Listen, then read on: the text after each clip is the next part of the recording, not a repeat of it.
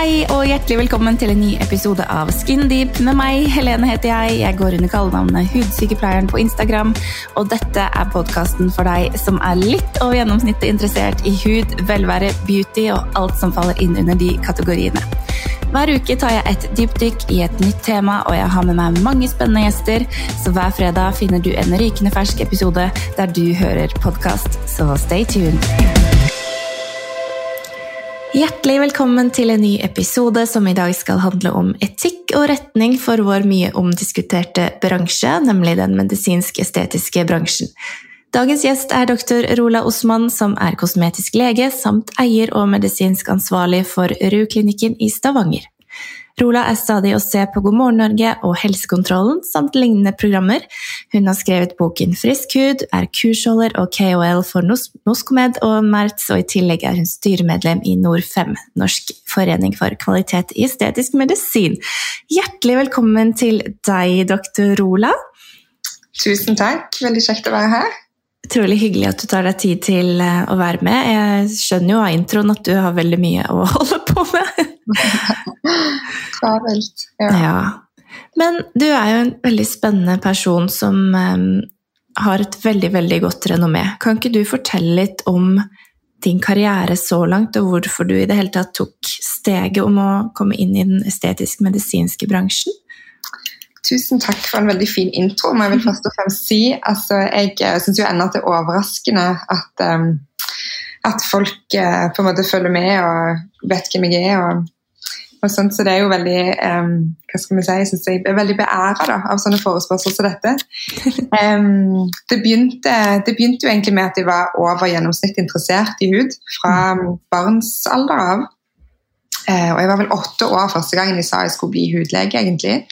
Ja. Uh, og sånn ble det jo ikke, men, uh, men, jeg var fortsatt interessert i hud gjennom hele studiet. og jeg begynte å blogge mm. gjennom en blogg der som heter Rockderm som for øvrig er på en måte navnet på AS mitt i dag. Um, og den ble plukka opp av den gangen Jungelforlaget het det da. Jungelbukken Forlag, eh, som nå heter Frisk Forlag. Eh, og de ønsket å gjøre en eh, bok med meg, så jeg fikk, jeg fikk lov til å skrive en litt sånn enkel hudveileder for mannen i gata, på en måte. Mm. som var kanskje den første døråpneren for meg. Så etter at den boken ble eh, publisert, så fikk jeg et engasjement på en klinikk eh, som eh, medisinsk ansvarlig og eh, lege innenfor dette kosmetiske, da, selvfølgelig i forbindelse med at jeg hadde gjort noen kurs. og, og sånt. Så der begynte egentlig reisen. da. Um, og så er det jo dette med at jeg, um, jeg er nok en sånn person som på en måte tar de mulighetene som kommer når de kommer, og gjør på en måte det som føles riktig eh, i de situasjonene som oppstår. på en måte mm. Følge litt min egen nese og eget hjerte. Mm. Um, sånn at jeg har, jeg har, sånn, jeg har aldri hatt noen sånn stor ambisjon om dette, men det har liksom bare på en måte eh, blitt sånn. Og ja. veldig naturlig, på en måte. Så det føles veldig riktig da, at jeg er her. Um, ja, tiltrukket av kunst og estetikk og um, kultur og kreativitet og og de tingene der, og sånne egenskaper som jeg syns bransjen vår har veldig mye av. Da. Mm. Ja, det er sant. Eh, ja. Så det er sånn Businessaspektet selvfølgelig, det har jo kommet litt i senere tid. RU-klinikken min eh, åpna jeg i 2019. Ja. Det er jo et eget eventyr i seg selv. Det er jo liksom, ikke en veldig eh, voksen baby, men han er, han er liksom veletablert. da. Um, så det er jeg jo veldig fornøyd med. Veldig glad for å ha skapt min egen arbeidsplass og en arbeidsplass for andre. Mm. Um, som igjen er dette på en måte ønsket om å kanskje skape noe, at kanskje det var det òg som var en drivkraft. da, mm. For å på en måte forbli innenfor dette fagfeltet og denne spesialiteten innen medisin. Ikke sant. Ja. Det er kjempegøy, og det er veldig spennende og, og fint å se at, at, det er utrolig mange gode kvinnelige gründere som virkelig får det til. Og ja, det heier jeg skikkelig på, altså. Ja, du, du, vet jo alt om det. Å ja, vel. vel, vel. Man prøver sitt beste, gjør man ikke det? Ja. Men eh, jeg tenkte vi skulle ta ti kjappe spørsmål sånn for å bli litt bedre kjent med deg. Bare det er veldig random ting, men eh, litt artig også. For eksempel, Er det et hudpleieprodukt du bare ikke kan klare deg uten? CE Ferulic Askenceuticals. Ja. Jeg merker, jeg merker på, på en måte gløden, da, spesielt i huden, når jeg har gått tom for det. Yes. Så det må jeg alltid ha. Mm. Så kjekt med et konkret Ja. produkt som den. Ja. Pleier du å spise til lunsj når du er i klinikk? Åh, nå, det jo, nå spiser jeg faktisk ikke lunsj, nå hopper jeg over lunsj. Det har vært så travelt i det siste. Og det er ikke sånn, det er ikke sånn quiet brag, på en måte, men det er, og det er litt fordi at jeg ikke har tatt med matpakke heller. Mm. Eh, og så er det litt sånn at du, Jeg er jo litt i permisjon fortsatt, jeg har en på ett år hjemme. Ja. Så da er det jo litt sånn at det, dagene er ikke så enkle å planlegge. Sånn at jeg får liksom ikke helt tenkt meg om før jeg går. Eh, men kanskje en smoothie fra, fra Hverdagsgodt, som er liksom nabo, nabokafeen vår oppe i Stavanger her, som jeg er veldig glad i. Så de har gode smoothier og sånt, så det kanskje blir en sånn kjapp smoothie on the go. Nettopp, nettopp. Men i og med at du har en ettåring, er du på kaffe eller er du på te? Å, jeg er på kaffe. Den kom raskt. ja. Han er veldig glad. Jeg må ha noen kopper kaffe til dagen. Ja, herre min. Men sånn, eh, favorittbehandling i klinikk, har du noe du sverger til? Ja, altså jeg er veldig glad i vår Endimed, Mm. eh, som er en, et radiofrekvent verktøy som på en måte stimulerer til hudoppstramming. Da. Mm. Så det er vel den jeg eh, De aller fleste får på en måte en anbefaling gjennom å, få, om å gjøre den i en eller annen forstand, om det er via eh, litt ablasjon, FSR, eller om det er intensiv, om det er liksom invasive nåler, eller om det er noe overfladisk. da. Mm. Eh, og så er jeg jo veldig glad i eh, vår maskin Oxygenio òg, som er en, mer en hudpleiemaskin, men som òg er veldig sånn, en fin start for veldig mange. Mm. Vi har et ganske sånn stort hudfokus på klinikken, så det er veldig mange som får, får på en måte en sånn en helhetlig vurdering, og gjerne starte opp med hud først. da. Mm. Tror jeg er lurt. Men um, som person, er du introvert eller ekstrovert? Intro. Intro, ja. Men alle tror jeg er ekstra. Det er derfor jeg spør, for det er ikke veldig tydelig sånn, å vite på folk, egentlig. Nei, det er kanskje litt vanskelig, men jeg, og jeg er en- sånn introvert som gjør ekstrovert ting. Det er det jeg sier. Ja. Jeg liksom sånn, så jeg trenger jo, um, jeg trenger jo pauser. Jeg reiste på familieferie etter at jeg hadde hatt en sånn, en sånn eh, tak på masterclass, Norsk en masterclass i København, Mm. Um, som jeg hadde på en måte brukt mye tid på. Og så hadde jeg denne her utblåsningen på selve konferansen, så reiste jeg rett på familieferie. Det skulle jeg aldri gjort. Det var, litt sånn crash and burn. Men um, nei, så jeg, har, jeg, har, jeg, gjør, jeg er ganske mye sånn kanskje utadvendt i på en måte møte opp på dette, eller typ God morgen Norge, eller på en måte eksponere meg jo. Mm. Um, det gjør jeg, så det er kanskje ikke så intro. Men jeg har, jeg, jeg har et veldig sånn behov for uh, alenetid og egentid. Mm. Og um, litt, lite glad i chit-chat og lite glad i sånn Mm. ukonkrete ting. Jeg må Mm. ja, forholde meg til, til straight up answers. Og ja, Ikke sant?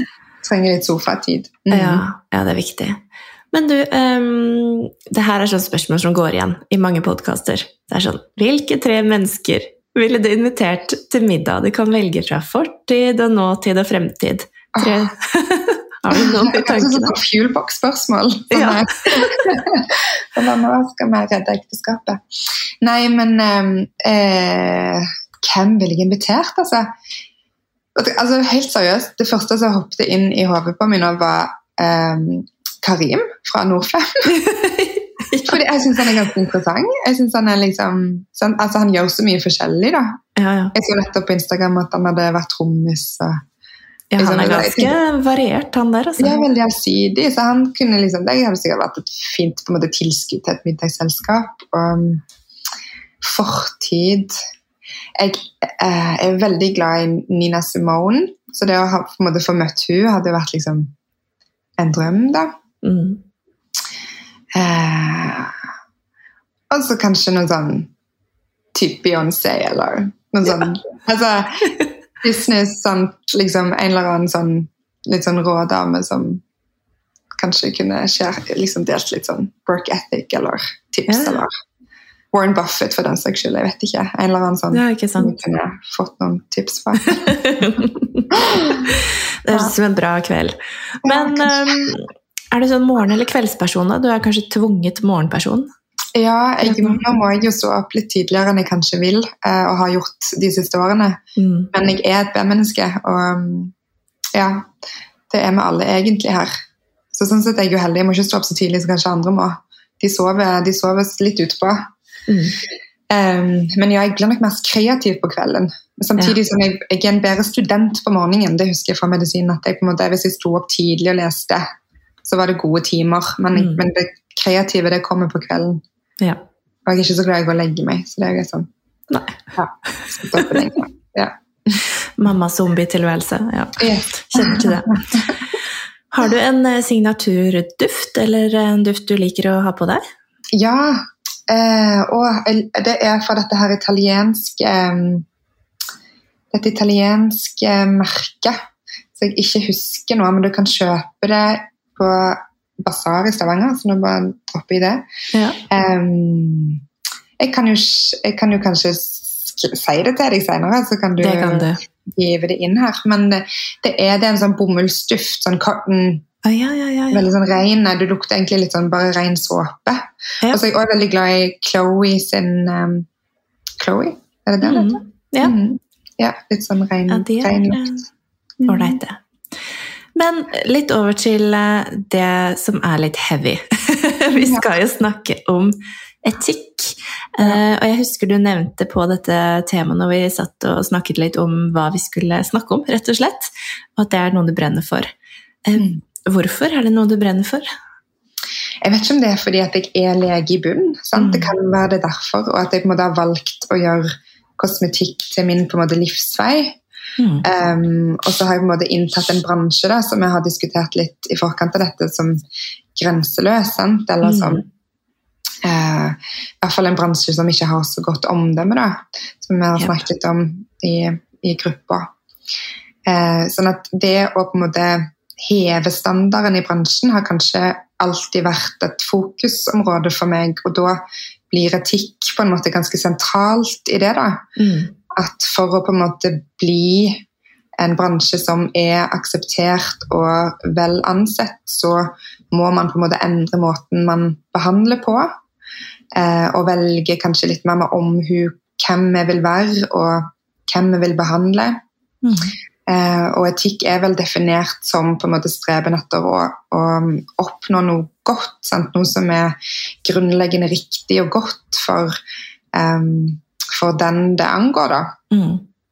Eh, sånn om det på en måte er lover eller normer eller regler eller moral man på en måte må forholde seg til for å på en måte eh, for å på en måte bestemme om det utfallet er godt eller ei. Men eh, mm.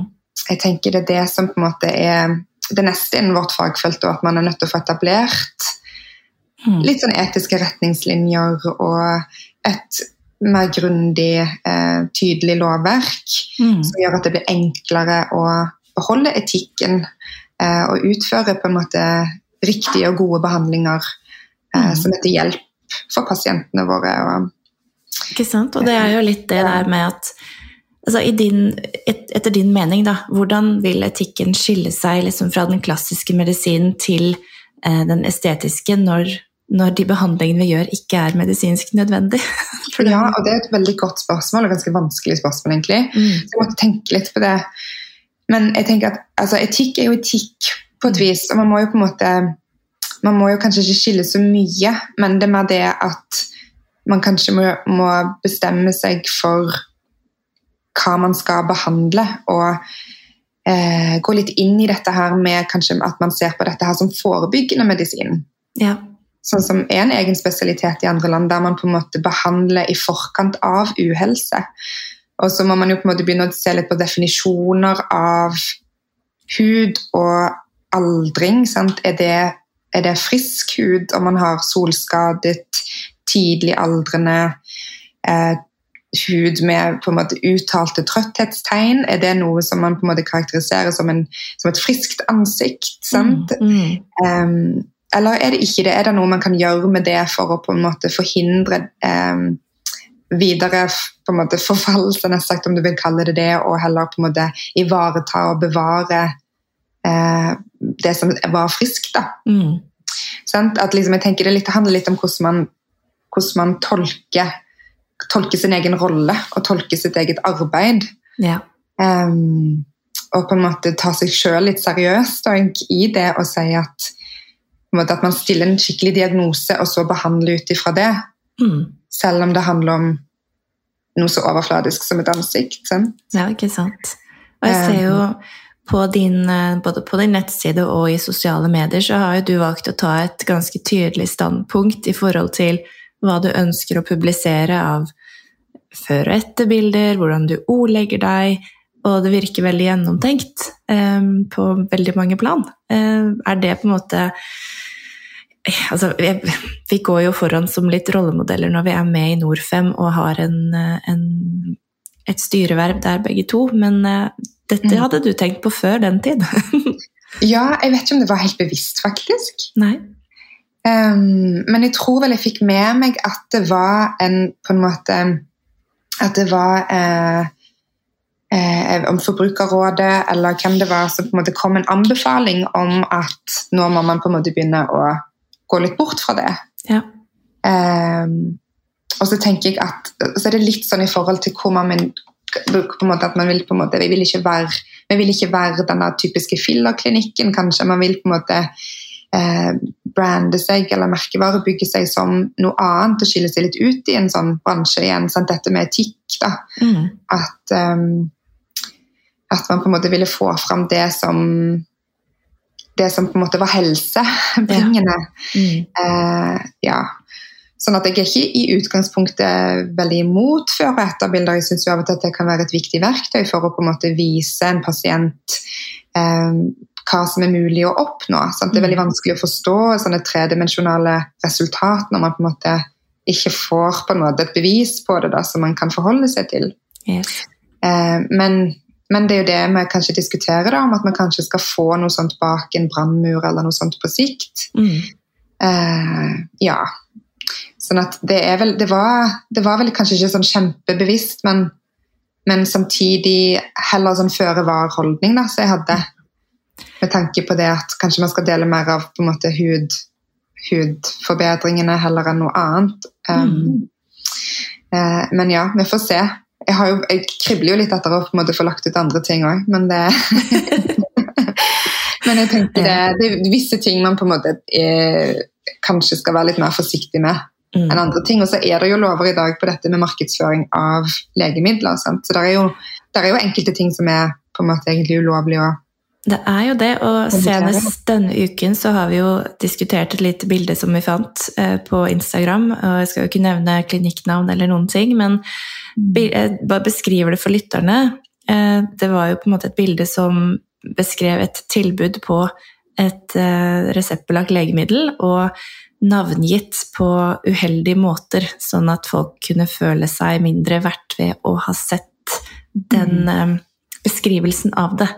Ja. Og, og det var litt som han ene sa, finn fem feil, og det var ganske mange eh, på de. Det, men det, vi kan jo snakke litt om det, for jeg tror ikke folk vet hva som faktisk er førende regler for å markedsføre eh, legemidler, rett og slett. Og skal man egentlig gjøre det i det hele tatt? Nei, sant. Det er vel, det er vel ulovlig å markedsføre, altså promotere, reklamere for, for legemidler i Norge. Mm.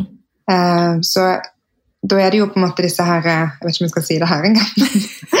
disse rynkebehandlingene sant, som på en måte faller under den kategorien da hovedsakelig.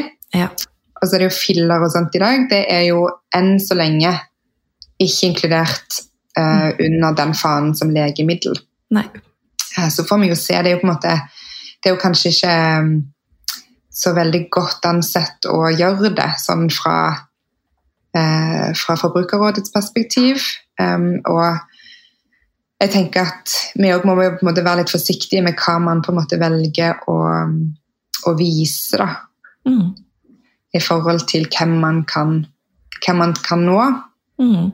Uh, ja. Og så diskuterer vi jo det i forhold til influensere sin påvirkningskraft kontra vår påvirkningskraft. Sant? At kanskje egentlig det store ansvaret ikke ligger så mye på oss alltid som utfører, men gjerne de som får utført. Um, Mm. Uh, men selvfølgelig, det, det er jo et delt ansvar når det gjelder promotering. Da. Mm. Nei, det, det, det er så mange eh, ja, faner i liksom det som til, til syvende og sist handler om at man skal minske kroppspress.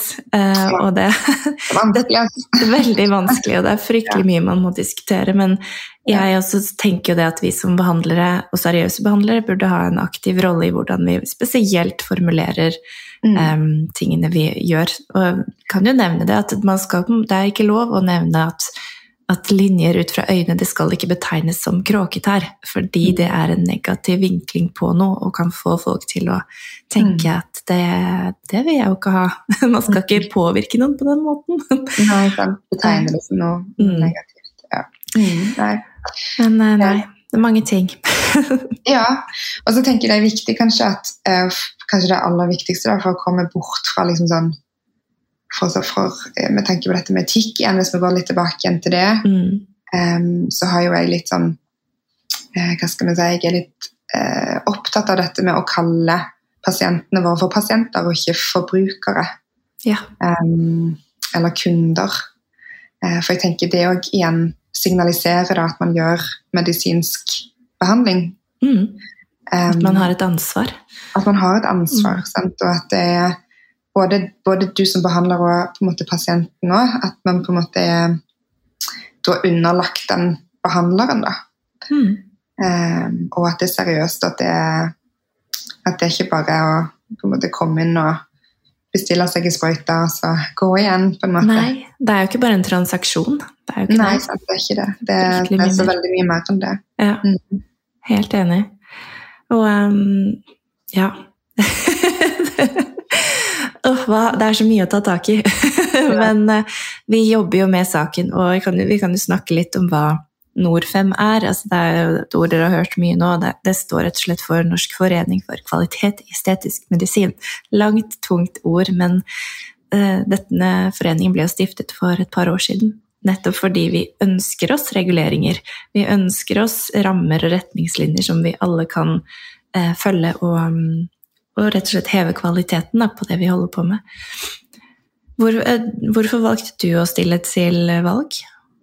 Ja, det var på en måte både det at jeg ble spurt, mm. og så var det jo på en måte Jeg tenkte at um, dette må jo bli med på. på en måte Denne her følelsen av at det nå det skjer, mm.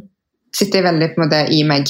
Um, at, at det nå vi må, på en måte må følge med. Det er veldig mye som på en måte koker, da, eller på en måte holder på å skje her eh, i forhold til vår bransje.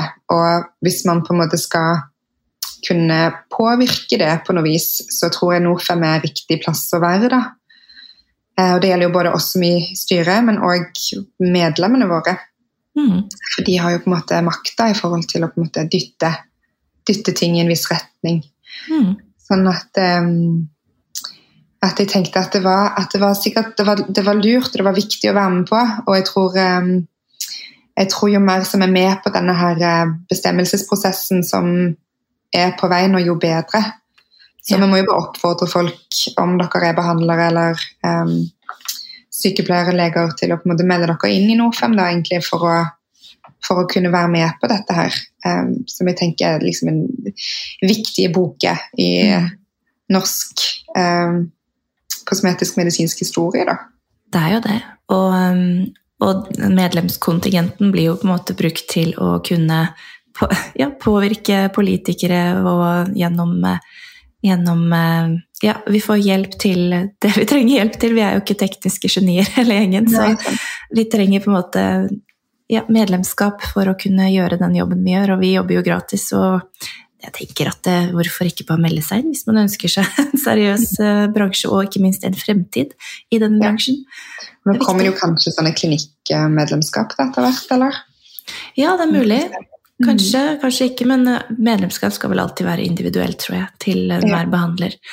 Så um, man har jo mulighet til å sertifisere seg, som vi begge har gjort. og og det er jo en godkjenning og et stempel man kan ha på veggen i form av et diplom. Ja, og det er jo, en, mm. igjen det liksom et veldig viktig skritt i riktig retning med dette med å ivareta etikk og ivareta god behandling mm. i bransjen. da. Dette med å på en måte bli sertifisert. Og jeg tenker at det ja, er jo noe av det kanskje aller viktigste man kan gjøre for å på en måte heve seg selv som behandler. Og, ja. mm, og vise at man tar det seriøst og Eh, Fram til på en måte, det kommer en lov fastsatt her om at man må være sertifisert, så er det jo gjerne greit å begynne allerede nå.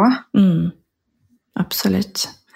Hva tenker du liksom er det mm, beste som kan skje for bransjen fremover, med tanke på hvilke lover og regler som kan potensielt komme på plass? Jeg tenker jo Det er viktig at man begynner kanskje å tenke litt sånn at alle trenger ikke å drive med dette. At det må være visse krav da, Ja. til hvem som får behandle. Eh, sånn at sertifisering igjen blir liksom kjempeviktig i den prosessen med å skille, skille ut hvem som er hvem som får lov til å utøve disse behandlingene, og hvem som kanskje ikke bør gjøre det. Mm. Um, så jeg tenker det er jo Det er jo gjerne Det er jo gjerne eh, noe av det viktigste. Så er det selvfølgelig dette her med at i dag så har man jo ingen på en måte lov om at helsepersonell alene får utøve dette. Der er jo, der er jo på en måte Man kan, kan være hva som helst som bakgrunn og allikevel behandle med fillere og Mm. toksiner man får tak i det. Sant? Ja, ja. Sånn at det er, det er kanskje det aller første vi må gjøre, er å få på plass en lignende lov som de har i Sverige nå, om at man er nødt til å være lege eller sykepleier for å kunne utføre kosmetisk-medisinske behandlinger. Da. Ikke Da er mye gjort, tenker jeg. Da man på en måte Det er mye gjort. Og Ja. personlig så er jeg redd for at, eh, at Stortinget bare skal gå rett på at nei, det er bare leger som skal få lov. Ja, det Og det er, um, så, men det er en liten oppfordring til sykepleier for å melde seg inn her, at eh, det kan, altså det kan jo skje, men med påvirkningen fra bl.a. Norfem, da, som forklarer hvordan ting er, og hvem som er kvalifisert og kan holde på med det, så har også sykepleiere en sjanse, og det velrettet, syns jeg. Men mm. mm, Ja, nei, det er kjempeviktig. det er det. Er, det er viktig at alle er med og på måte påvirke. Jeg tror ikke det kommer til å bli sånn at bare leger får gjøre dette. her. Det er så mange etablerte Mm. eh, kosmetiske sykepleiere til lands her at det, det tror jeg ikke. Har fem, så har vi et 50-50% styre sant, med sykepleier og Mm, det har vi faktisk. Jeg har jo også inntrykk av at um, spesielt kanskje leger som ikke jobber i denne bransjen, har uttalt seg om hvor forferdelig bransjen er. Eh, har du noen tanke liksom, rundt hvorfor mange drar den slutningen, kanskje uten å egentlig ha spurt eller undersøkt? Altså, er det, hvorfor er det uglesett? Ja, jeg tror nok det er Det er nok sikkert fordi at um, vi anses som å jobbe med noe litt sånn fjasete. Ja. At det er overfladisk og uviktig. Mm. Og på en måte jo viktigere altså, sant? Til og med på et sykehus så vil man jo rangere viktigheten av på en måte spesialiteten din. Sant? Er du radiolog, så er jo det kanskje mindre viktig enn om du er kreftkirurg. Sant? Eller Ja. om man, sånn at man har liksom en sånn tanke, tror jeg, om hva som er, hva som er um, hederlig arbeid, kanskje.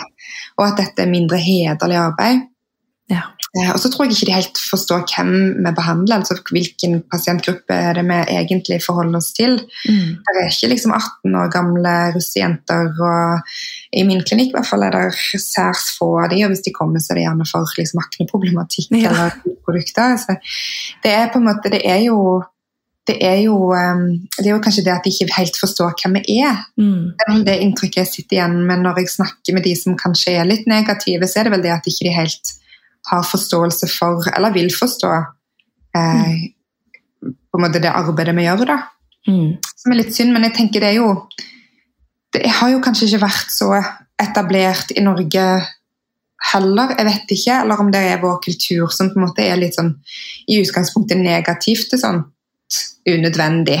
Sant? Ja, altså, vidt vi går til fastlegen, sant? så hvorfor Ja. skal du gå til sykepleier og få gjort noe med den rynka di, liksom? Eller Ja, sant. jeg tenker at det, Vi har nok en vei å gå i forhold til dette med, med alt som er litt sånn det ytre, og på en måte ikke det at det er alfa og omega eller livsnødvendig eller viktig, men, men jeg tror, jeg tror um, etter hvert som tiden nå går, så kommer, så kommer folk til å forstå at det har noe for seg å se bra ut og samtidig føle seg bedre.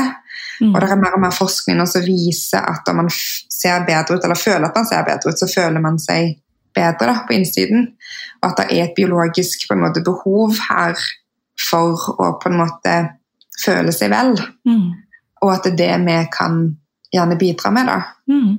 Og at alt henger sammen. At det er på en måte en sånn holistisk ting å på en måte dekke den biten som er ansiktet eller huden. Mm. Når man på en måte ellers trener, spiser sunt, tar vitaminene sine, ivaretar seg på alle mulige måter Mm. for å holde seg frisk og ung, og så skal man på en måte la ansiktet forfalle. Da. Det ikke, liksom, henger ikke helt på greip, det. Nei, det er sant. Um, så jeg tror at um, Nå snakket jeg meg kanskje litt vekk. Men tror jeg, tror liksom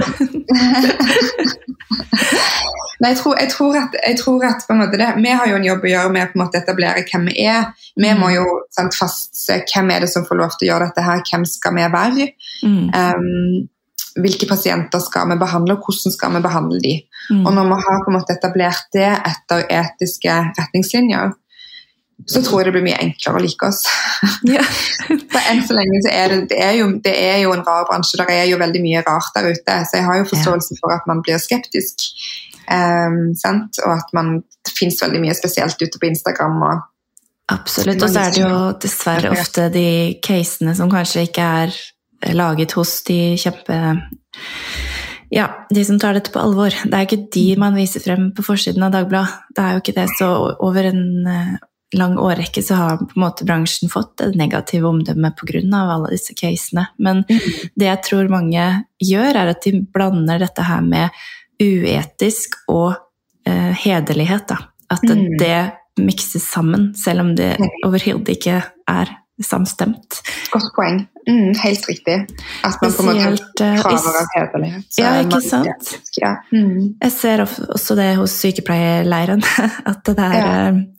Ja, nei, jøss, har du kasta bort yrket ditt, liksom? Det nei, hvorfor driver du med det? Setter du bare sprøyter? Nei, uff, så trasig, ikke sant? Du får Ja. den derre Den nedgraderingen med en gang, selv om man kanskje da har et, et år til på, med og flere studiepoeng til og med, så altså Ja. Likevel blir man ansett som en sånn lort. Ja. Men de vet jo ikke hva vi møter, og de kanskje ikke følt det på huden selv ennå heller. Og jeg det, Ja. kjenner meg veldig igjen i det du sier om at hvordan man føler seg, har noe med hvordan man utstråler seg og er. For de, de dagene jeg har akneutbrudd som bare er helt grusomt, så føler jeg meg ikke bra. Og det går utover selvfølelse og produktivitet og alt mulig, så det er helt klart en link til, til hvordan man ser ut og hvordan man føler seg. 100%. Vi som jobber med det, vi vet det jo. Sant? For Ja. Vi ser det jo hver dag. Vi ser jo på en måte den gløden og gnisten folk får, og på en måte dette, den selvtilliten de kanskje Mm. på en måte ender opp med bare med det å på en måte ha gjort noe sånn minimalt som har på en måte fått en god krem som har virka. Altså, Det skal ikke alltid så veldig mye til, men med en gang man på en måte føler seg litt som seg selv igjen, um, så, så, så har man det bedre, da. Mm. Eh, og jeg sier ikke at det er likeverdig som å fjerne en kreftsvulst, men, eh, men, Nei, nei. men for all del. Men man har på en måte Man må jo Man må på en måte velge sine interessefelt, og så la folk leve, nær sagt. Mm. Eh, og gjøre det så riktig og så godt og så etisk man, man kan, da. Mm. Mm. Enig. Enig. Og det er jo på en måte Jeg tror også mange har et inntrykk av at denne bransjen er det, det er fryktelig mye penger i den, og vi er griske og tar oss veldig godt betalt, men det vet jo du også, når man jobber med hud, så er det ikke Det er ikke sånn at man omsetter for eh, fryktelig mange millioner per år. I hvert fall ikke i starten. Man bruker lang tid på hud, og hud tar tid, så ja. Det er veldig spesielt for meg at folk tror at vi eh, på en måte sitter igjen med så veldig mye av den Mm. summen de betaler. da. Og at de på en måte ikke forlanger noe sånt når de går til en advokat eller en rørlegger eller være det hva som helst. Sant? Som på en måte der de ikke sitter igjen med en, en produkt, på en måte vinst, gevinst i tillegg. Mm. Så nei, det er litt eh, det er litt spesielt, men det kan jo igjen være fordi at man igjen kategoriserer det som kunder og ikke Mm. pasienter. Hvis man hadde begynt å sagt pasienter mer, så hadde det gjerne blitt mer ok, eller de hadde ikke følt at de ble lurt på ja. samme måte som noen kanskje føler nå. At um, de ikke forstår helt hvor, hvor det blir av. Ikke sant? Så er vi jo altså Kostnadsaspektet på veldig mange ting tror jeg ikke folk vet. Når jeg på en måte sier til folk, eller folk spør meg har du laser, jeg bare nei, jeg har ikke, har ikke laser, fordi jeg har ikke 1,5 million til å bruke på det. De bare ja, koster det så mye? Eh, ja, mm. det gjør det. ja. Nei, det er helt spesielt. Og, det, ja, og, og, på en måte at jo, ja, alt har på en måte en kjempekostnad. Og den ekspertisen du gir dem, er jo eh, mm. verdt noe. Og på en måte tiden du bruker. Hudbehandlinger tar jo lang tid, og mye oppfølging og mye det er mye som inngår sant, som man egentlig ikke tar betalt for. Da hadde man tatt betalt for alt som en behandling innebar, så mm. hadde det jo kosta mange, mange tusen, ja. egentlig. I forhold ja, til hvilke på en måte timer og, og hjelp de får, da, kanskje. Mm. Der kan man jo egentlig se litt til USA, fordi der er de litt flinkere til å prise seg ut ifra hva, de, hva, hva, det egentlig burde kostet. For her i Norge så når vi et tak til slutt hvor på en måte hva vi tenker er akseptabelt, og hva en pasient syns er akseptabelt å betale. Men mm. skal du ta en laser i USA, f.eks., ja, det koster 20 000 per gang. ikke sant? altså, en, én milliliter filler, ja, det koster 9000. Og det er ikke tøys, liksom. Det er, nei, nei, nei, sant. helt vanvittige priser. Um, ja. ja. ja. men sant er det Ja. Nei. Men jeg tenkte jeg må bare spørre deg, siden du er her, og jeg vet at dette er noe du er god på, så må jeg spørre deg om eh, Radies. Du er jo trainer um, og KOL for Norsk Med, og du holder da kurs i dette biostimulerende fillerproduktet Radies, som er laget av eh, calcium hydrolactate Ja, veldig vanskelig ord. ja. Og du er kjempegod på det, kanskje Norges beste. Men dette er jo på en måte ikke veldig utbredt ennå.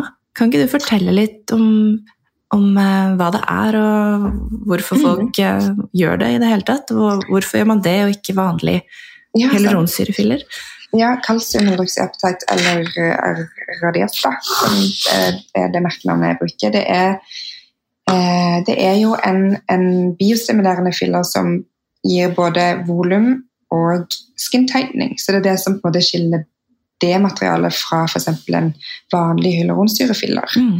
Der man på en måte gjerne eh, behandler for fukt eller volum eller for en, på en, måte, en forstørrende effekt, mens her er det mer en konturerende effekt og en oppstrammende effekt. Ja, man på en måte oppnår da. Man får en volumeffekt òg, men den er mer kortvarig. Mens på en måte den eh, biostimulerende effekten er, eh, går over flere år. Mm faktisk. Sånn at det, det, det, er et ganske unikt materiale um, i forhold til dette med regenerasjon. Man på en måte får uh, mer fibroblaster som produserer mer kollagen. Man oppregulerer fibroblastene som allerede er der. Uh, man får forynger fibroblastene som har blitt gamle. altså Det er ganske spesielt at man på en måte kan, kan på en måte stimulere de såpass at de oppfører seg som om de var unge igjen i en gammel hud. Eh, og, ja, og, at man får på en måte angiogenese, man får nye kar, da, som igjen eh, bedrer hudhelse, øker tilførsel av eh, næringsmolekyler, oksygen, eh, gjør at huden stråler mer, gløder mer, ser friskere ut. Mm. Eh, og så er det veldig kjekt for oss som på en måte bruker det med tanke på at man kan dilutere det, blande det ut eh, etter hvilken måte, tykkelse man ønsker i forhold til hvilken del av ansiktet man skal behandle, eller hvilken hudtype man skal behandle. Så det er liksom, igjen den med kreativitet. Jeg syns det er veldig kjekt å kunne ha et verktøy som vi kan mm. bruke til mye. Eh, og så er jeg jo veldig, veldig fornøyd med den pitchen med at jeg kan måte fortelle pasienten min at her får du noe som strammer opp, og som på en måte gir deg effekter over lang tid. Og Det er veldig sånn, givende da, å kunne ha ha et sånn et verktøy da, i arsenalet. Og jeg, mm. jeg, vet ikke om det er så mange som utfører det ennå. Det er litt fordi at eh, Norskomed har vel valgt å kun selge det til leger i Norge. Ja. Men eh, i forhold til at vi vet at hyaluronsyrefillere går an å løse opp, og at det er en ikke-permanent filler, er denne kalsiumhydroksylapoteiten en permanent, semipermanent, eller hva slags betegnelse går den under? Den går nå under altså ikke-permanent. Ja. Nettopp. Ja, så det er, en, det er den, den, en degraderes uh, av normale metabolske prosesser i huden. Ja. Og forsvinner helt. Men det som gjenstår, eller på en måte uh, forblir, da, er denne her kollagendannelsen mm. som etterlates, som er på en måte òg årsaken til at man får så langvarige, uh, fine resultater av, av produktet. Ikke sant. Men i forhold til å Vi vet jo at fillere har en okklusjonsfare. Er det det samme med dette middelet? At man kan tette til kar? Hva gjør man da? Absolutt. Og det er jo det som kanskje er den store måte, skrekken for mange som jobber med radies. Mm. Eh, fordi det har ingen sånn antidote som hyaluronsyre har med hyalase. Man setter hyalase her, men det man måte, måten man, man, eh, man går i gang er at man prøver å dilutere det med mer natriumklorid eller Ja. hyalase, og prøve å øke sirkulasjonen i området på den måten. Mm. Og løse opp på en måte manuelt klumpen. da. Mm. Eh, så er det selvfølgelig aspirin, eh, eh, nitro, disse tingene som på en måte er vasodiliterende varme, Mm. som er med på å åpne kar og på en måte prøve så godt man kan. Ja. Og så er det jo derfor ekstra viktig at man ikke behandler høyrisikoområder som nese eller tåregrop eller lepper. Sant? Det er jo ikke fint med sånn kalsiumklumper i lepper. Nei. Nei. Eh, Så det er forbeholdt på en måte eh, kinn, kjeve, hake, Mm. nasolabiell faktisk, men da dilutert gjerne eller på en måte helt overfladisk. Mm. Um, mm, det er noen som eh, begir seg ut på, på neser og tinning og forskjellig, men det er ikke anbefalt. da. Nei. Men det, er- det er veldig fint i, i dilutert form og på løs hud på hals og bryst og hender. Og da er det jo òg mindre typ, farlig, kan man si. På et Mm. vis. Da er det jo ganske tyntflytende, og så er det òg eh, kun plassert i dermis, der det ikke er så veldig mange store kar. Men man må liksom forsikre seg om at man er i rett lag. Da. Det er mye Ja. det det handler om. Mm. Ikke sant. Jeg har også sett noen legge det under aknearr for å bedre, bedre de. Ja. Mm. Ja, men så spennende. Dette er jo eh, dette er jo noe som har vært i andre land i flere år, så det tar jo ofte litt tid før ting kommer til Norge, men eh, spennende å se nye trender og ting. Det er det. ja. ja. Så bra. Så Rola, nå har vi jo virkelig fått vært gjennom eh, mye spennende i dag. Tusen hjertelig, hjertelig takk for tiden din. Nå en torsdag kveld. Klokka ni på kvelden. Men én ting. Hvor er det folk kan få tak i deg hvis de ønsker å stille et spørsmål eller ønsker en konsultasjon eller et eller annet? Ja, jeg er på RU-klinikken i Stavanger sentrum, i Salvåga gata 10. Der ligger altså vår lille klinikk. Mm. Um, og jeg er nå tilbake igjen i 80% jobb. Det er ganske travelt, men eh, du er velkommen til å booke konsultasjon med meg eller mine sykepleiere eh, om du ønsker hjelp til noe med hud eller Mm. dypere vevstrukturer. Så det er bare til å ta kontakt med oss. Ikke sant? Er dere på Instagram, eller? Vi er på Instagram, ja. Takk for at du spør. Da vil vi gjerne ha mer, eh, mer støtte og, og, og på, en måte, på en måte følgere da, som kan Mm. være med på reisen her. Så det er en evig sånn, sånn gründergreie det med å prøve å forbedre det man har. Så mm. eh, jeg legger jo mye tid i Instagrammen min, sånn som du òg gjør, Helene. Og eh, setter pris på alle og enhver som har lyst til å følge og være med og legge igjen spor. Jeg kan anbefale å ta en titt på eh, Rola sine reels. De er mesterlig utført, og jeg er eh, misunnelig. så, Oh my gosh. så yes, gå inn og se. Men tusen hjertelig takk, Rola, og ha en fortsatt god kveld. Så snakkes vi snart igjen, vi. Yes, tusen takk for at jeg fikk være med. Bare hyggelig. Ha det, da. Eh,